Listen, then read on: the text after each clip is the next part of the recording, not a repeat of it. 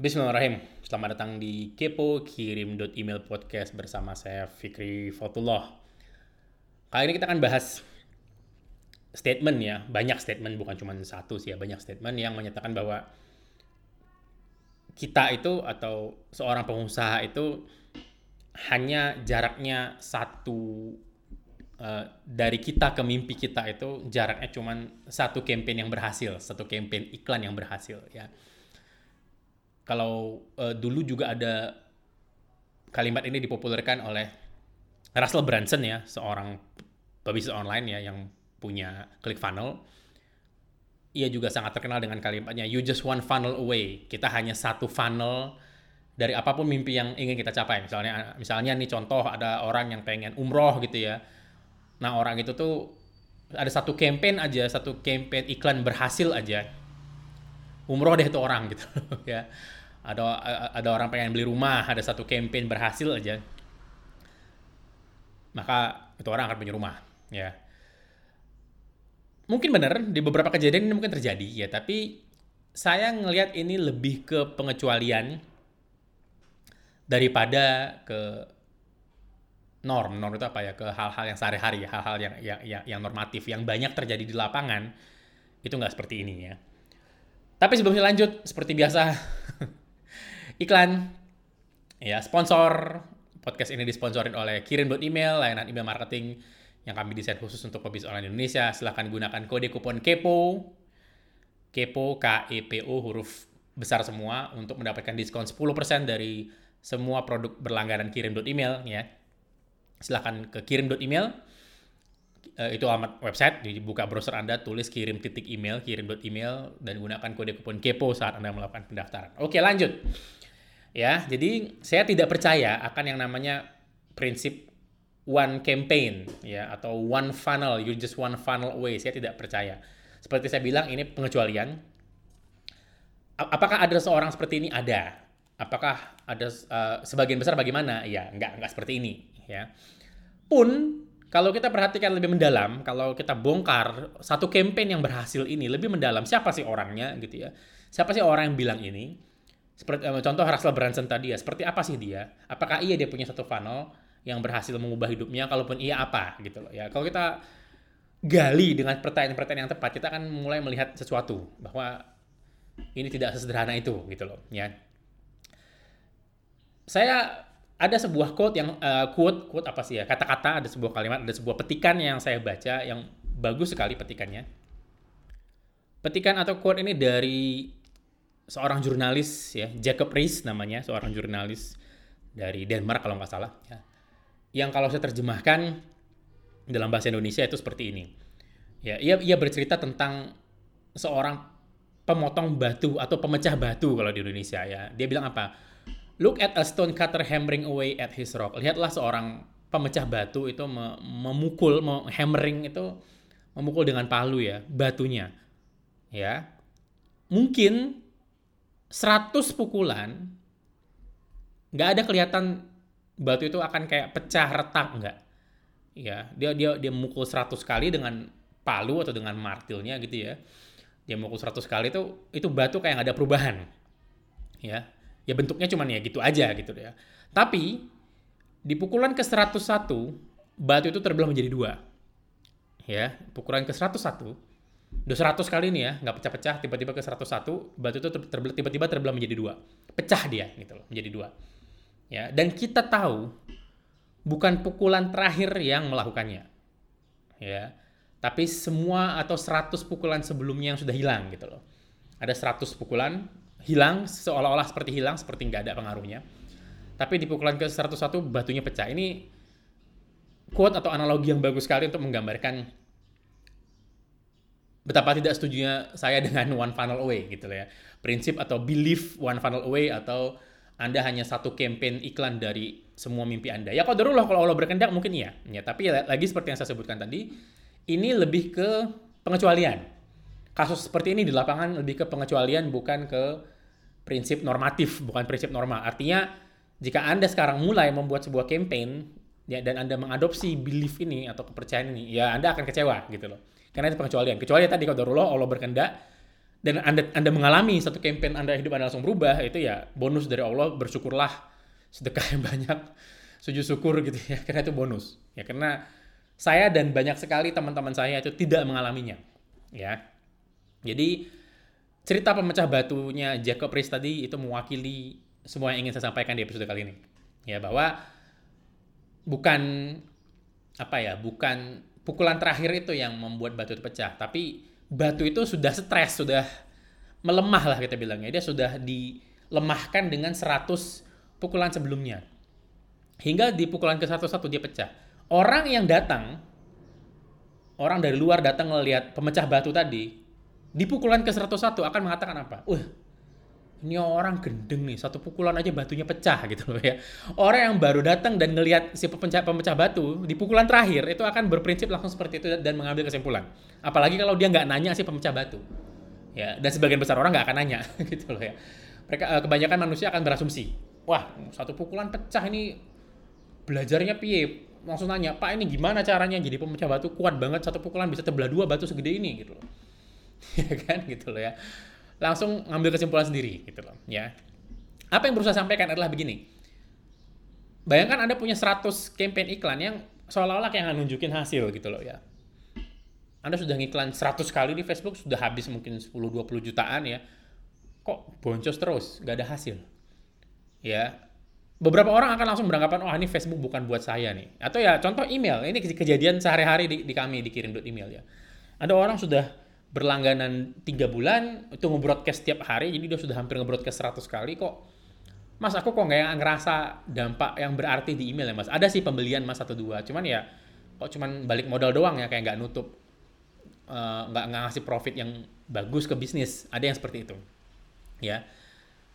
Tapi ada yang terus bertahan. Di bulan ke-6 itu investasi email marketingnya kembali 10-20 kali. Ada. Yang seperti itu juga ada ya. Jadi uh, Intinya apa? Di 100 campaign yang gagal ini, di 100 broadcast yang gak ada hasilnya, broadcast email yang tidak menghasilkan apa-apa, di 100 iklan Facebook atau di 10 juta pertama iklan Facebook, 10 juta rupiah pertama iklan Facebook yang gak menghasilkan, itu pada dasarnya Anda atau seorang pebisnis itu latihan ya. 100 campaign itu akan ngajarin kita bagaimana nulis iklan yang bagus, nulis copywriting yang bagus 100 campaign itu akan ngajarin kita mana gambar yang diklik orang, mana gambar yang nggak diklik orang. 100 campaign itu akan ngajarin kita apa sih headline yang menarik, apa sih headline yang diklik. 100 campaign itu akan ngajarin kita baca data. 100 campaign itu akan ngajarin kita bagaimana membuat link yang bisa men-tracking UTM ke Google Analytics. 100 campaign itu akan ngasih kita feedback customer dari iklan Facebook yang berjalan atau dari broadcast broadcast email yang dijalankan. Saat Anda broadcast, ya, mungkin beberapa orang akan membalas email Anda dan Anda bisa ngobrol, oh, Anda jadi dapat insight, oh ternyata orang suka ini nggak suka itu, atau orang butuhnya ini nggak butuh itu gitu loh ya. Jadi 100 campaign iklan yang gagal ini seperti tadi prinsip pemecah batu itu memberikan Anda insight ya, memberikan Anda masukan yang sebelumnya saat Anda tidak melakukan 100 campaign itu Anda nggak punya ya.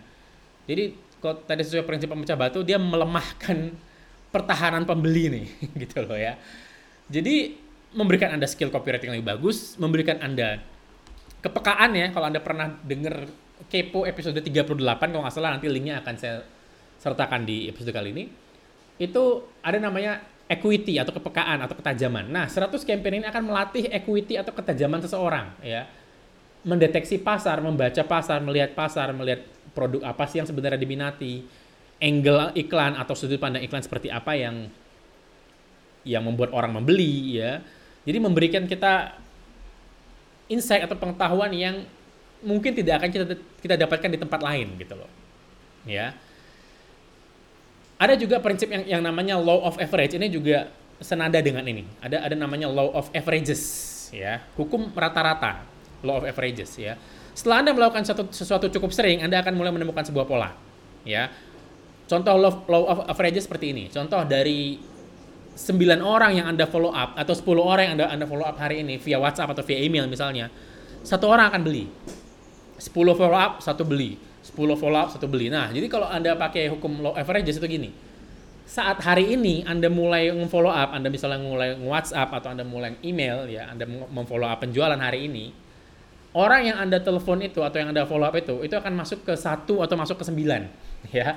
Kalau dia nggak masuk ke satu, maka dia akan ngabisin jatah yang sembilan. That's it. Ya, itu of averages. Jadi, itu membuat kita jadi lebih semangat ya. Tiap hari ditolak itu ya biasa aja. Kenapa? Ya udah kamu masuk yang sembilan. Ya.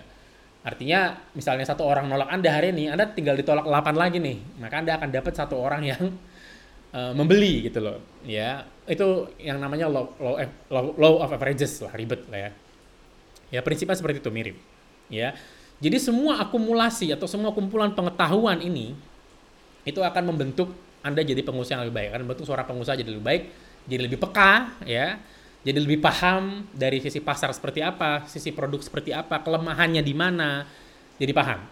Dan buat saya sesuatu eh, jika Anda memberikan investasi waktu akan sesuatu, investasi waktu ini hampir tidak ada yang bisa menggantikan. Jika Anda memberikan investasi waktu di campaign, tidak ada menurut saya buku, seminar, workshop, apa pun itu yang bisa menggantikan investasi waktu ini, nggak ada. Anda akan punya insight, Anda punya pengalaman yang lebih dalam daripada Anda mengikuti semua workshop, pelatihan, buku, apa pun itu. Ya, karena Anda mengalaminya langsung, Anda uji coba langsung, ngetes langsung. Oke? Okay? Nah, jadi kalau saya bilangnya milikilah koleksi anti campaign profit, campaign anti profit. Anti itu kan lawannya ya. Jadi anti campaign saya bilangnya. Milikilah koleksi atau perpustakaan anti campaign. Perpustakaan campaign-campaign yang Anda hindari supaya bisa dapat profit gitu loh ya. Semakin kaya perpustakaan anti campaign Anda, Anda akan semakin tahu persis Anda harus ke mana. Ya, perpustakaan anti campaign saya bilang. Jadi saat ini saya udah cukup punya banyak anti campaign ya. Saya, saya tahu proses broadcast yang nggak berhasil itu yang seperti apa karena saya punya datanya ya. Jadi agar bisa profit ya saya menghindari itu. Apakah kalau saya menghindari itu pasti profit belum tentu. Tapi kemungkinan gagal saya sudah jauh berkurang gitu. Kenapa saya sudah tahu mana yang gagal gitu ya. Nah, inilah prinsip inilah yang saya dan tim kirim email berusaha jalankan di Super Sales Funnel ya. Kami membuat sebuah pelatihan namanya Super Sales Funnel. Jadi di Super Sales Funnel ini kita anti satu funnel. Kalau Anda di sini mencari satu funnel yang paling berhasil, Anda tidak akan menemukannya di super sales funnel. Sebaliknya, super sales funnel itu didesain untuk bagaimana Anda membuat 100 campaign secepat mungkin, semudah mungkin. Ya, supaya apa? Supaya bisa dites. Dari 100 ini mana sih yang berhasil? Ya, lagi Anda di sini membangun perpustakaan anti campaign Anda sendiri. Ya. Setelah Anda buat 100, insya Allah Anda akan ketemu satu dua campaign yang berhasil. Dan Anda punya 98 campaign gagal yang bisa Anda hindari lain waktu. Tidak Anda lakukan lagi kesalahannya. Nah, kenapa? Tercatat terdokumentasi mana yang gagal. Ya. Super Funnel adalah pelatihan selama 30 hari bersama saya dan tim kirim email. Ya, jadi di sini kita akan belajar bagaimana Anda bisa dengan cepat membuat ratusan campaign dengan hanya bermodal satu lembar kertas yang kita menyebutnya super sales funnel map. Ya, jadi memanfaatkan ini Anda bisa mendesain campaign secepat mungkin, brainstorming ke tim secepat mungkin. Anda bisa mendapatkan 100 angle secepat mungkin untuk kemudian dites. Mana yang berhasil, mana yang enggak. Jadi kita bukan mencari bagaimana caranya membuat satu campaign yang paling berhasil terus ini terus dilakukan, enggak. Ya, kita bikin 100, kita tes. Gagal ya 100 lagi, tes lagi, gagal sampai ketemu yang berhasil.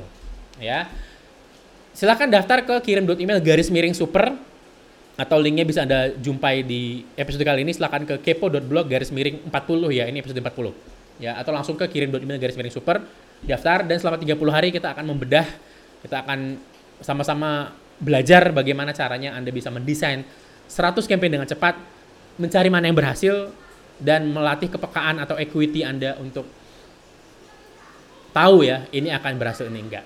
Oke? okay? Itu aja untuk episode kali ini. Saya Fikri Fatullah dari Bandung yang sekarang lagi hujan dan adem dan dingin ya. Terima kasih, sampai ketemu di episode selanjutnya insya Allah. Assalamualaikum warahmatullahi wabarakatuh.